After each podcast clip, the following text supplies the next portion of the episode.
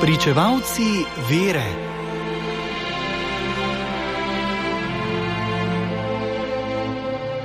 Danes zgoduje sveti Hieronim Emiljani, redovni ustanovitelj iz Benetk.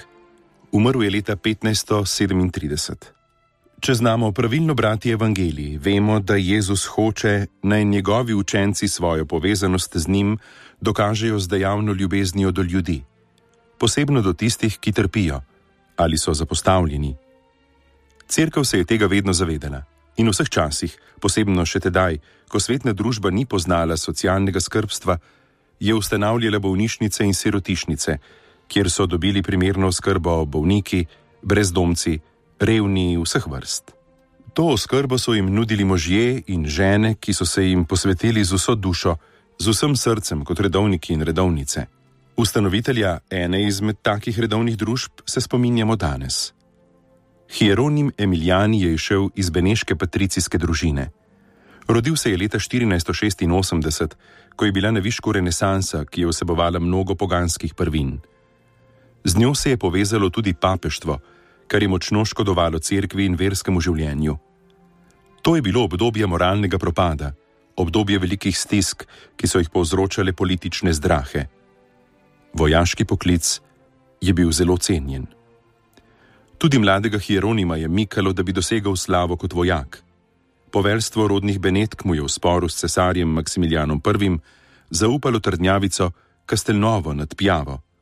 Ob napadu cesarskih čet je trdnjavica padla in Hieronim je prišel v ujetništvo.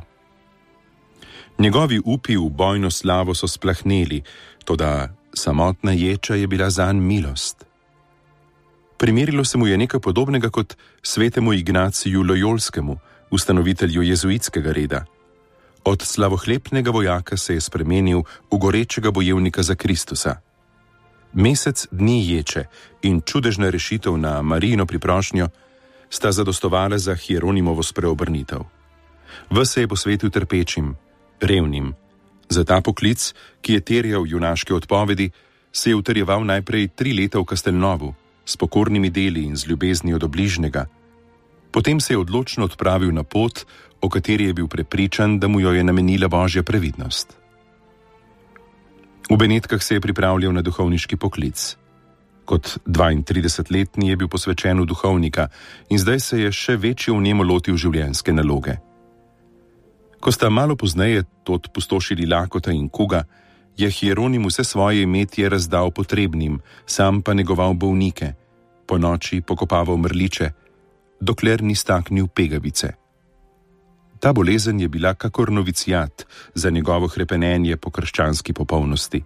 Ko je ozdravel, se je odpovedal vsemu premoženju in se posvetil samo službi revežem, zlasti sirotam.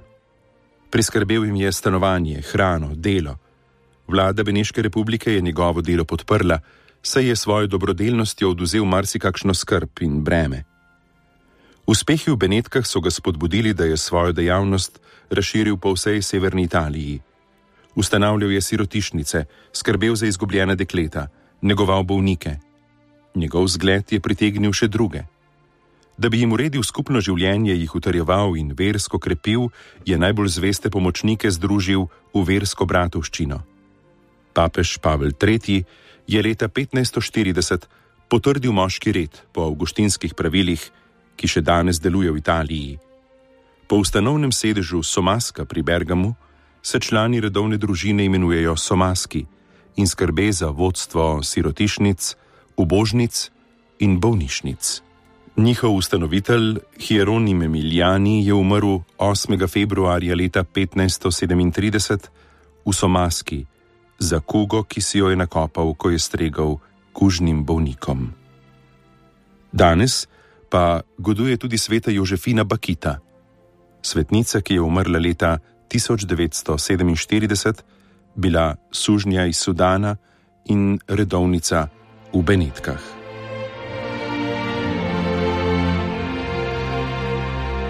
Brali smo iz knjige Svetnik za vsak dan, ki jo je napisal Silvestr Čuk.